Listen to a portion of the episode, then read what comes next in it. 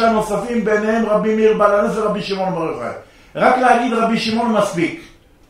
אז אם היה רבי עקיבא אומר סליחה, כמו במשרד החינוך פה בישראל, עת שסוף סוף למורה נהיה זקן לבן, אומרים לו צדק גמלאות. עד עכשיו הם שוש, בלי מלח. היה צעיר, יש לו בעיות עם האישה, זוג צעיר, עת שנולד לו הילד הראשון, עת שהוא מתעורר בלילה, הוא לא יודע, הוא אבא חדש, פעם בא לבית ספר, פעם בא באיחור, מוציא את העצבים מהתלמידים. מתי המורה מתחיל להתעדן ולהיות מורה? כשנהיה לו זקן לבן. אז ככה זה בתורה, אבל במשרד החינוך לא. בגיל מסוים הם יוצאים לגמלאות. דווקא כשהוא נהיה יין משובח, שדעת זקנים נוחה ממנו, אומרים לו פרוש. הפוך.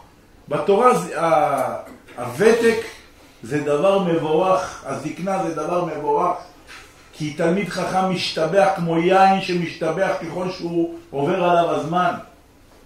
והנה רבי עקיבא דוגמה טובה, בצעירותו הביא לנו 24 שרבו ביניהם, אבל בזקנותו הביא לנו חמישה שלם עמד העולם כולו. אז גם אומרים לגבי שבן אדם מביא ילדים לעולם, כל שכוחו במותנו יביא. למה? אתה לא יודע איזה מהם נכשל. בדרך כלל הפירות האחרונים הם הפירות המתוקים. היה הבעל שם טוב הקדוש, אבא שלו הביא אותו לעולם בגיל מאה. הבעל שם טוב, כשהוא היה בגיל חמש, רבי אליעזר, אבא של הבעל שם טוב, נפטר בגיל מאה. בגיל מאה וחמש. הביא אותו בגיל מאה, נפטר בגיל מאה וחמש, אבל מה הוא הביא לעולם? את הבעל שם טוב, אור האורות, בבא סאלי שההילולה שלו מוצא שבת. זכותו תגן עלינו. כשהוא היה שומע את השם של הבעל שם טוב, הוא היה עומד. למה? בבא סאלי קיבל הנהגה מרבי יעקב אבוחצירא, מה הם משפחות המלוכה עד בוא המשיח. רבי יעקב אבוחצירא, זכותו תגן עלינו, מרן אביר יעקב, הוא אחראי ללידתו של הבן איש חי הקדוש. אימא של הבן איש חי הייתה מבוגרת, רצתה ילד, הלכה מעיראק עד מרוקו, עברה ערים, ירדה בקרעות, הלכה מדברות, הגיעה לחצר של הצדיק, אמרו לה הצדיק לא מקבל, לא מרגיש טוב. שלוש ימים עד שהצדיק קיבל, היא ראתה את כל המזרוך, כל מי שחולה, כל מי שנגוע, הכינה לזה מרק, לזה תה. עברו שלוש ימים, הוא הצדיק מרגיש טוב, מקבל. נכנסה, מרן רבי יעקב הסתכל עליה, עוד לא דיברה. אמר לה, את, את רוצה ילד. תדעי לך, יבוא לך בן מהברכה שלי, שיאיר את עיני ישראל, ויכתוב ספר הלכה שלא יהיה לו מחלוקת. עד בוא המשיח ילמדו בו. בן איש חי הלכות שנה א', שנה ב', לומדים אותו גם בישיבות אשכנזיות, גם בספרדיות, לעולם לא עלה על הספר הזה שום מחלוקת. ובאמת מרן הבן איש חי, הוא האיר את עיני ישראל בגולה בזכות הברכה של רבי יעקב. רבי יעקב, הוא, היה להם את הסוד הידוע, שרבי חיים בן עטר, זכותו תגן עלינו, אור החיים הקדוש. כשאנחנו מדברים על אור החיים הקדוש צריך לרעוד לנו השפתיים. אנשים צריכים לדעת שאור החיים הקדוש היה רוח דאצילות דנפש דוד המלך, ובדורו הוא היה משיח בן יוסף. כשהוא עלה ממרוקו, הוא התיישב בעכו. עכו, חצי ממנה זה של ארץ ישראל, וחצי לא של ארץ ישראל. ככה הגמרא בגיטין מביאה. הוא ישב בחצי שלו של ארץ ישראל, בנה שם ישיבה, כל התלמידים שלו מתו במגפה. עשה שאלת חלום, איך קרה לי כדבר הזה? הרי תורה מגנה ומצלה. תורה מגינה, איך קרה את הפדיחה הזאת? אמרו לו, מה, עלית ממרוקו כדי לשבת בגלות? אתה בחלק לא של ארץ ישראל.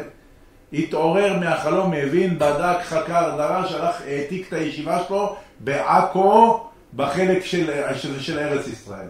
אבל גם שם הוא לא רווח נחת והיה לו הרבה צרות, החליט שהוא הולך משם, מתיישב בירושלים. אחר כך בדור שלו היה אור שבעת הימים, הבעל שם טוב הקדוש, זכותו תגן עליו. הבעל שם טוב היה דרגה אחת מתחת לאור החיים, היה נפש דאצילות דדוד המלך. והוא רצה להיפגש עם האור החיים, הוא ידע שאם הוא ייפגש איתו, הם ביחד יביאו לנו את המשיח. אז בא אור החיים הקדוש קיבל ממנו טלגרם, אמר לו, תשמע, אם אתה רוצה להיפגש איתי, כשאתה מתפלל תפילת שמונה עשרה, כשהנשמה שלך עושה ליד נשמה, זה לא היום פה אצלנו מתפללים, בן אדם מתפלל מנחה ערבית, נכנס מישהו באמצע תפילת שמונה עשרה, עושה לו, וואלה, מה שלומך, באמצע תפילת שמונה עשרה. כשאור החיים הקדוש והבעל שם טוב הקדוש היו בתפילת שמונה עשרה, הנשמה עוזבת בכלל ועולה לגלזי מרומים. אמר לו, כשתראה אותי, בתפיל... אם תזכה לראות אותי בתפילת שמונה עשרה, את כל הדיוקן של הפנים שלי, סימן שהשם רוצה שתעלה לארץ ישראל ונביא את המשיח ביחד. הוא שלח, אור החיים שלח את התשובה הזאת לרבי, לבעל שם טוב הקדוש, אבל הטלגרם עבד בדרך. הבעל שם טוב לא זכה לקבל את התשובה הזאת, והוא הבין שהוא צריך לבוא. כשהוא התפלל תפילת שמונה עשרה הבעל שם טוב, הוא ראה רק את הרגליים והברכיים של אור החיים הקדוש. למה? הוא לא לקח בחשבון שרבי חיים בן עטר, ואם לא כתוב זה מסתפין אני לא אומרו, זה לא סיפורי פוגי, זה כתוב. והיו אנשים שהעידו שרבי חיים בן עטר היה מתפלל תפילת שמונה עשרה, איך שהוא מתחיל אדוני שפתי תפתח, הוא היה מרחף באוויר מטר וחצי. כשהוא מגיע לעושה שלום, השכינה מורידה אותו והוא עושה שלוש צעדים אחורה. אז כשהשכינה העלתה אותו, הבעל שם טוב זכה לראות את הרגליים והברכיים, לא זכה לראות את הראש שלו. ולכן זה סימן משמיים שהוא לא היה צריך לעלות לארץ ישראל. הוא והבת שלו והתלמיד שלו, על שטיח, כמו משפחת אבוחצירא, עשו השבעה על מחצלת, עלו דרך טורקיה, רצו להגיע לארץ ישראל, נתפסו בשבי הטורקי, הצליחו לברוח מהכלא, תפסו אותם שודדים, כמעט רצחו אותם. הבין הבעל שם טוב הקדוש שזה לא סייעתא דשמיא, שהשם מטבח לא רוצה שהוא ייפגש עם רבי חיים בן עטר. והנה הגיע הזמן של איזה מנחה של שבת, אמר להם הבעל שם טוב לתלמידים שלו ברוסיה, תראו, האור החיים על אשלם נמצא בארץ ישראל, הבעל שם טוב נמצא ברוסיה. בשבת, אומר להם, קבע הנר המערבי, נפטר. אמרו לו, איך אתה יודע? הוא אמר, הוא היחיד בדור משיח בן יוסף, שיש לו את סוד נטילת הידיים. היות ועכשיו גילו לי משמיים את סוד נטילת ידיים, אני יודע שלקחו ממנו את המפתחות כי הוא נפטר. במוצאי שבת כל העולם רעש ורגש, וידע שאור החיים הקדוש עליו השלום שביק מעלמא. אז זה מרן אביר יעקב, הוא ראה את כל השושלות שיהיו, הוא גם אמר על מלכות בית חב"ד, הוא אמר שיהיה להם שבע נשיאים, והאחרון הוא ייפטר, אחר כך יבוא המשיח. באמת לחב"ד, יש שבע נשיאים, האחרון זה הרב מלובביץ', אין לו בן שהמשיך אותו, ומשם אין להם מנהיג שממשיך. בדיוק מה שמרן אביר יעקב עליו השלום אמר. הוא ראה את כל הזכויות האלה, זה ברכה של אדם זקן שקנה חוכמה וכשר, פעם אחת מרן אביר יעקב, היה חסר לו אחד למניין של מנחה. הוא היה נודד הרבה בין הקהילות, פעם אחת בחברון, בארץ ישראל, ביישוב היהודי בחברון, לא היה גמרות. היה עניות, זה לא מה שהיום אומר ברוך השם יש שפע. מרן אביר יעקב ממרוקו עשה קפיצת הדרך ואמר לרב שם מה חסר, הוא אומר לו הדפים פה קרועים, חסר לנו ארבע מאות ומשהו תוספותים. מרן אביר יעקב מהזיכרון של הגמרא שלו בעל פה, הלך והשלים להם את כל התוספותים ונתן להם חיבור בקבלה שנקרא ארבע מאות שקל לכסף. זה מרן אביר יעקב, זה כוח של צדיקים. אז פעם אחת נכנס אליו, היה חסר לו אחד למניין במנחה, תפס שם איזה אחד. ההוא התחיל לחפש תירוצים, כן היה מתפלל יחיד, או היה מתפלל יום כן, יום לא ויום למה לא.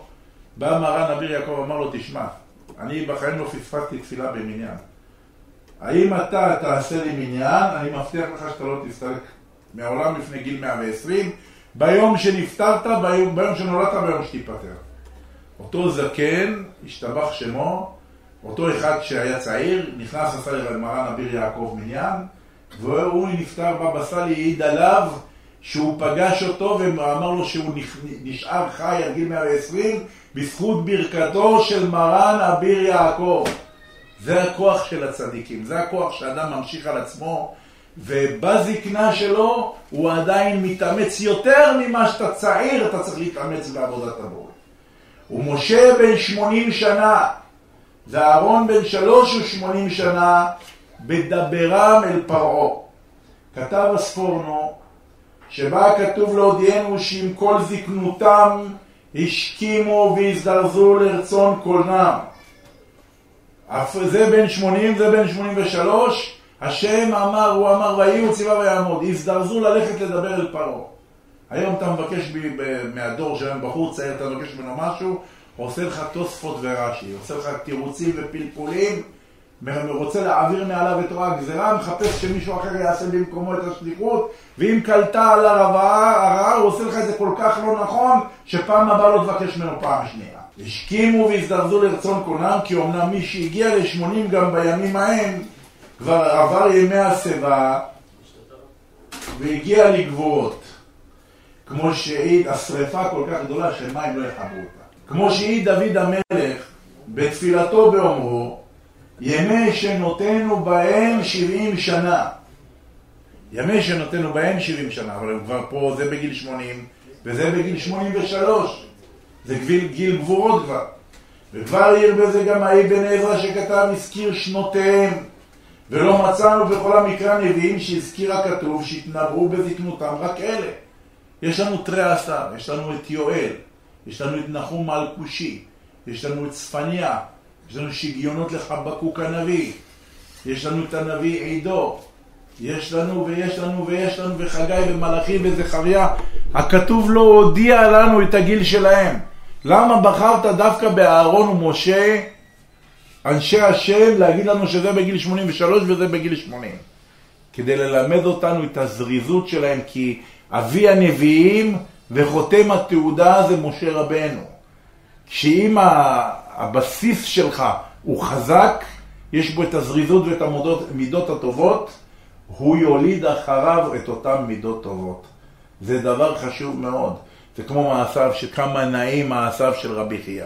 כמה נעים מעשיו של רבי חייא. מה המיוחד ברבי חייא? רבי חייא עליו השלום היה הולך, זורע זירי פשתן, גודלים, כותף אותם, מנפץ אותם, תובע אותם, הופך אותם לחוט, תופר מהם רשת, צד ברשתות צבעים, לוקח את הצבי, שוחט אותו, את הבשר נותן לעניים, לוקח את האור, מפשיט אותו, כותב איתו ספרי תורה, מלמדים, מלמד עם זה את התלמידים שלו. למה אתה צריך? יש לך בבני ברק ויש לך ירושלים, יש לך חליבה, חנות ספרים, למה אתה צריך עכשיו את כל הסדרס?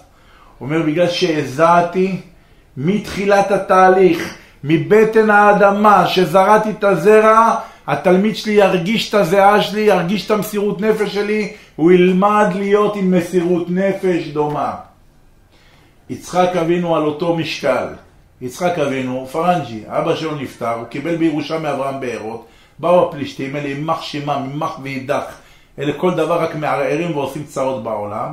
באו, אמרו לו, זה שלנו, אשר סתמום פלישתים.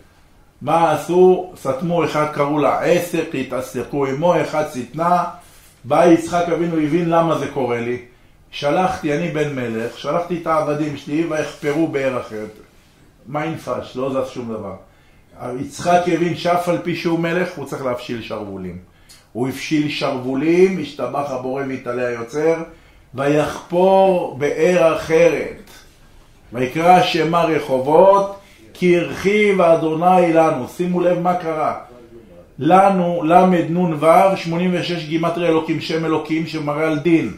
מה קרה לשם הדין? כי הרחיב אדוני לנו, השם הרחיב, מיתק את הצמצום, מיתק את הדין והרחיב אותו למידת רחמים. למה? בגלל שהשתדלת, לא אמרת עכשיו מה, זה לא לכבוד שלי, אני בן של מלך. בעניינים של עבודת השם, אין גדולה לפני השם. גם כשאתה רוצה לברך רב בפתיחת ההיכל, לברך אותו לבריאות, או לברך אותו. אתה לא אומר יברך את מורנו ורבנו, עטר את ראשנו. מה אתה מביא תארים לפני הקדוש ברוך הוא? הכמוני יעלה לך ובמה. מישהו יכול להשתוות לקדוש ברוך הוא. תהילת השם דומיה. אף על פי שהרב הוא רב גדול, כשאתה מברך אותו אתה אומר עבדך פלוני בן פלונית. אין גדולה לפני המקום. כשכל דבר של תורה וכל דבר של קדושה, אדם ירתום את עצמו ולא יגיד תלמיד חכם אנוכי או בן של מלך אנוכי, אדרבה גדולה שבו יותר מאשר בשלוחו. אדרבה וכל מי שמקדים הרוויח וכל הזריז נזכר. כי מעלתם של משה ואהרון גדולה מכל הנביאים ולהם לבדם היה מדבר השם בעמוד ענן. ואולי אתה משום שאין הנבואה שורה אלא על החכם, על הגיבור, על העשיר, כדי לזכות לנבואה, צריך כמה מעלות טובות. וכיוון שהם זקנים, אף שמתרבה כוחם הרוחני, אך גופם הגשמי נחלש, ולכן אינם ראויים כבר לנביאות. אלא שכל זה הוא רק לעניין נבואה שאצל שאר הנביאים לא מצינו שהתנבאו בזקנותם.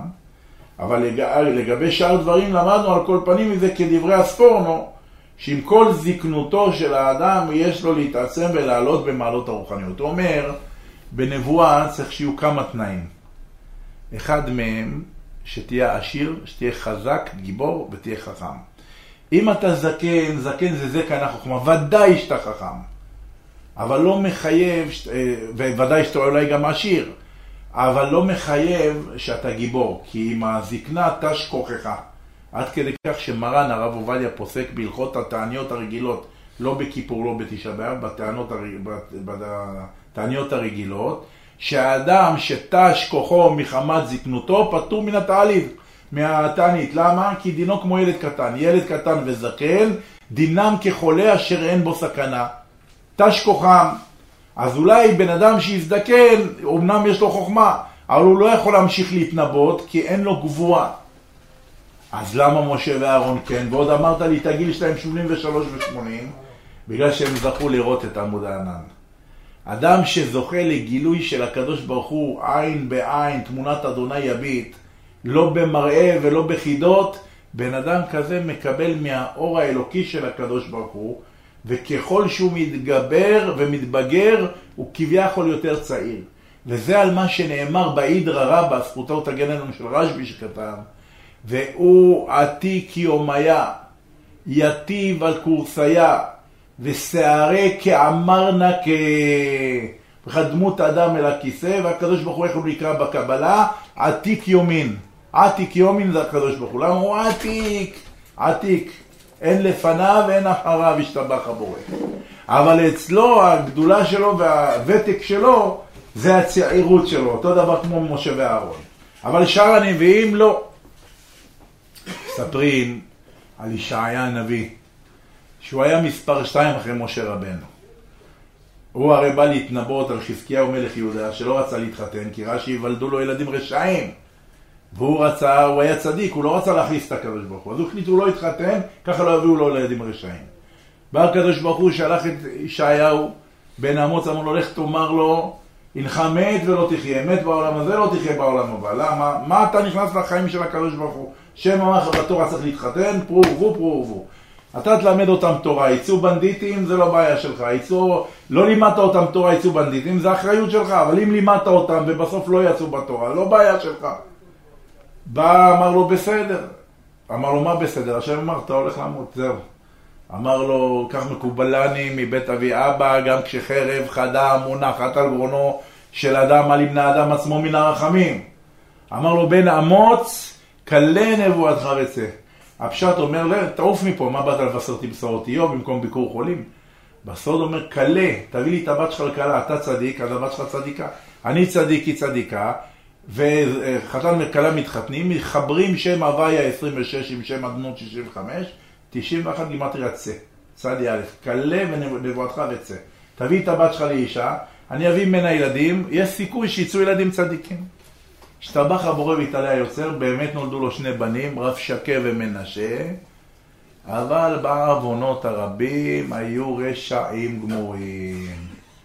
ואז השתבח הבורא כשנפטר חזקיהו, מי שישב על הכיסא שלו, הבן הרשע שלו מנשה, והעביד את, את עם ישראל לעבודה זרה 33 שנה.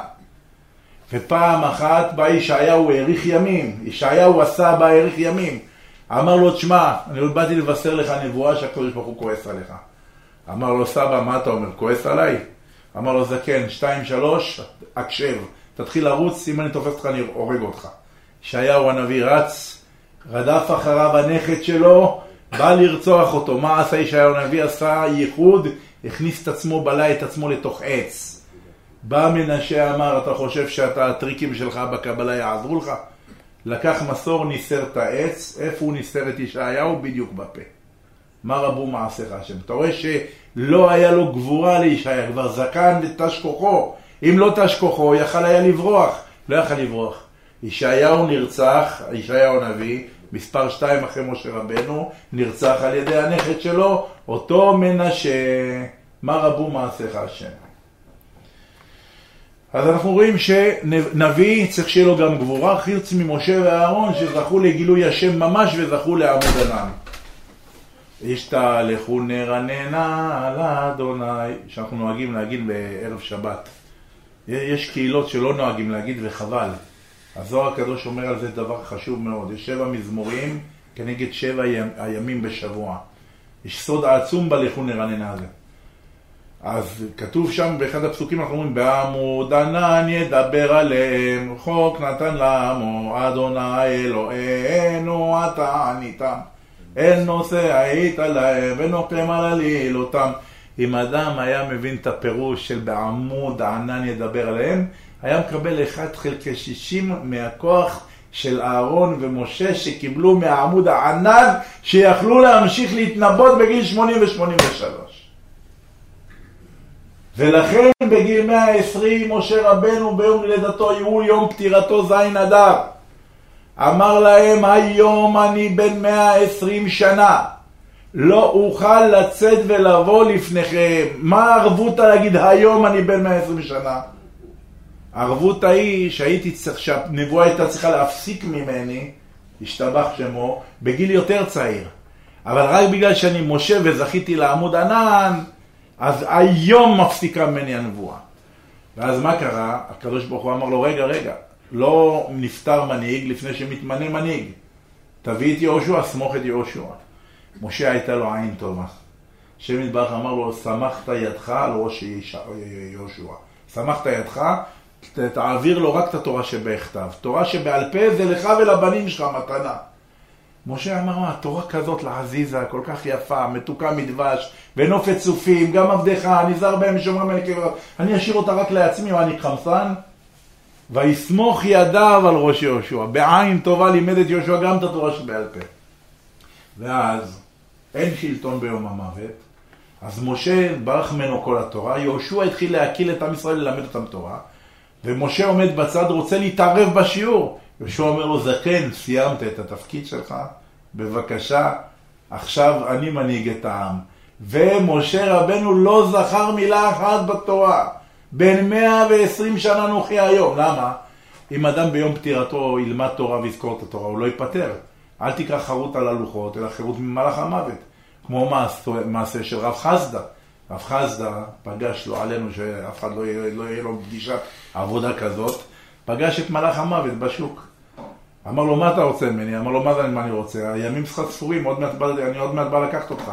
בגלל שאתה צדיק, השם אמר לי להגיד לך שתכין את עצמך, תכין מזוודה. אמר לו, רגע, יש בעיה, אתה לא יכול לקחת אותי. אמר לו, למה אתה לא יכול לקחת אותי? למה אני לא יכול לקחת אותך? אומר לו, כתוב אשרי אדם בא ותלמודו בידו, ותלמודי לא בידי. אני לא, לא יודע את כל הבבלי בעל פה. אמר לו, טוב, כמה זמן ייקח לך לדעת? אמר לו 40 יום בלחרוש בבית המדרש, בלי לצאת בחוץ, בלי אהלן וסהלן. יש אה, תרמוס, יושב, שם לידי, שותה, אוכל, ממשיך ללמוד 40 יום. אומר לו, לך 40 יום, סוף 40 יום בא לקחת לך את הנשמה. אמר לו, בסדר. נכנס לבית המדרש, יושב ולומד, יושב ולומד, מגיע יום ה-40, מלאך המוות נכנס עם הקשווה שלו ועם החרב שלו, ואז רב חסדה רואה אותו, ממשיך להגביר את הלימוד, כי ככל שהוא ילמד, מלאך המוות לא יוכל לגעת בו. אבל מי הגבר יחיה ולא יראה המוות? מלאך המוות ישב על הקרש, על העמוד המרכזי של בית המדרש, וביקע אותו מהשבירה של הקרש, של העמוד המרכזי. רב חסדר עניין אותו מה זה הרעש של השבר הזה, הסתכל למעלה, באותו רגע הפסיק ללמוד תורה, בשנייה אחת לקח לו את הנשמה. מה רבו מעשיך השם? אין שלטון ביום המוות. הרבה פעמים אנחנו רואים לא עלינו שאנשים חולים, אנחנו רואים אותם חולים, אין להם הכרה, אין להם כלום, פתאום נהיים בריאים ביום אחד, הפנים מהירות, מתחילים לדבר לעניין וצוחקים, ופתאום אומרים לך נפטר. מה נפטר? 40 יום הוא בקושי תקשר, אבל אתמול דיבר איתנו, צחק איתנו, היה לו אור יפה בפנים. הקדוש ברוך הוא ביום של הפטירה מחזיר לו את כל הניצוצות, ולוקח אותם בפעם אחת, ו-40 יום לפני, פנים שלו חשוכות, עד כי ינטו ציללי ערב, עד שהצלם שלו סר מעליו והקדוש ברוך הוא מעלה אותו למעלה. וכן מצינו אצל יעקב אבינו שנאמר ויתחזק ישראל וישב על המיטה ופירש בעל הטורים, מלמד שהצדיקים אפילו כשהם חלשים מתחזקים. וכן כתוב כי איך אעלה אל אבי והנער איננו איתי, ופירשנו בדרך דרש שצריך האדם להתאונן על עצמו כיצד יוכל האדם לבוא אל השם ברבות הימים, אחרי 120 שנה, איך תבוא לקדוש ברוך הוא? בעודו בזקנה, והנערות איננה איתו, הוא כבר לא פועל בכל כוחו וחיותו, אלא מתהלך בכבדות ובעצלות. למה לא קמת לנץ? אה, כבוד הרב, נרדמתי, קר לי היה, אתה יודע, יצר הרב. במעלליו התנכר נער. בגיל צעיר אין לו כוח, יש לו את כל התירוצים שבעולם. אבל יבויה, תשמור את התירוצים האלה שתהיה שיבני. שכבר אין לך לחות בעצמות, כשיש לך פרקינסון, כשיש לך בריחת סידן, כשקר לך, כשאין לך, יש לך לחץ בגולגולת, תבוא לקדוש ברוך הוא, מבין, יש לך בעיות, מה תעשה? בקופת חולים מכבי, קופת חולים כללית, קופת חולים מאוחדת, הקדוש ברוך הוא ישמע עליך, בסדר. להתחיל את התירוצים מגיל קטן, מה יהיה? אומר לך, מי שלא מתרץ בגיל צעיר, לא מתרץ גם בגיל מבוגר. נע עדה עוד הכתיב, נער ראיתי, גם זקנתי. לכן אמרו הזקנים בגמרא מסכת סוכה, יהי רצון שלא תבייש זקנותנו את אה, נעורנו, ולא לא, שנעורנו לא יבייש את זקנותנו, שאדם הזקן, ברגע שיש לו סטביליות ויציבות בעבודת השם בגיל צעיר, אז הוא זוכה ליציבות גם בגיל מבוגר. ואדם לא יפטפט ביצר שלו, לא ייתן ליצר שלו כשאני אצא לפנסיה, כשאני אצא לפנסיה. מי אמר לך תצא לפנסיה? יש אנשים היום בדור שלנו עם כל החיסונים שעשו, בן אדם, שמענו אנשים בריאים בעולם, בבוקר לא קמו, דום לב, רוח ומכפר. מישהו יכול לחזות את העתיד שלו? לא. אלא אדם נער הייתי, גם זקנתי, גם בא לרבויה. גם כשאתה נער, תחשוב על גם, על גם, על גיל הזקנה. אל תפספס. וכן נקרא גם ישראל כמו שאומר הנביא הושע נער ישראל ואוהביהו בחינת נער וצעיר, מלא כוח וחשק לעבודת השם. היה רב גדול וקדוש, קראו אותו הרב בריזל. הוא נפטר קרוב לגיל מאה שנה, והוא תמיד היה אומר ביידיש פון יצט, מעכשיו, מעכשיו אני מתחיל להתפלל כמו שצריך, מעכשיו אני לומד. כמו שבן אדם אומר, אה, האוכל שלך, אשתי, טעים, אין... אמרת לי את זה גם אתמול. אמרת לי את זה גם שלשום, אמרת לי גם... בעבודת השם, מעכשיו, מעכשיו, מעכשיו. אדם צריך תמיד לעשות התגברות. לא משנה אם עד עכשיו לא היה טוב, אבל מעכשיו אפשר להתחזק ולהתחיל מתחילה. גם אדם בגיל 90 יכול לקבל על עצמו מעכשיו, לעולם אינו מאוחר, כי מה שאפשר לחטוף, חוטפים. נסכם, מספרים על אה, מרן הרב עובדיה, זכותו תגן עלינו, שהיה בכנס של סיום הש"ס. בראשון לציון עשו איזה חפלה גדולה, כל שבע שנים מסיימים את הבבלי. והיה שם איזה אחד זקן, והוא היה הולך לשיעורי תורה, אבל הוא לא, הוא היה מהאלה שהולכים לשיעורי, יש להם אמונה, אל חכם. יש חכם, אני הולך לשמוע את השיעור שלו, אבל לא מגדילים ראש. הגמרא והשולחן ערוך, זה בשביל החכמים. מרן הרב עובדיה, המיוחדות שלו הייתה בדור, שהוא נתן לך להרגיש והוא הוכיח לך שגם אתה צריך להיות תלמיד חכם. כל בן אדם, תחת כל עץ רענן. אותו בן אדם, בסוף הדרשה של הרב, התחיל לבכות, בא לרב עובדיה ליד כולם. אומר לו, איפה היית עד עכשיו? אני עכשיו בגיל 84. התחיל לבכות, אמר לו, אם הייתי יודע שאוי ואבוי לי שאני עולה לקדוש ברוך הוא בלי לסיים את התלמוד הבבלי. אני הייתי עכשיו גם איתכם מסיים, למה לא אמרת לפני? הרב לו, לא, לא ראיתי אותך לפני, עכשיו באתי לפה, דרשתי. ההוא לא עזב את הרב עובדיה, התחיל לבכות, אמר לו, תבטיח לי, אני לוקח על עצמי עול תורה שאני לומד שבע שנים בנגלה הבאה את כל הש"ס, תבטיח לי אריכות חיים, אני רוצה לסיים את הבבלי. הרב בירך אותו. הרב בירך אותו, עברו שבע שנים, בגיל 91. הוא שילם את הכסף של האולם ועשה את החגיגה השנייה של סיום הש"ס. ואז הזמינו כמובן את הרב עובדיה, ואז הרב עובדיה שם סיפר שמה זה לסיים את הש"ס דף ביום שבע שנים?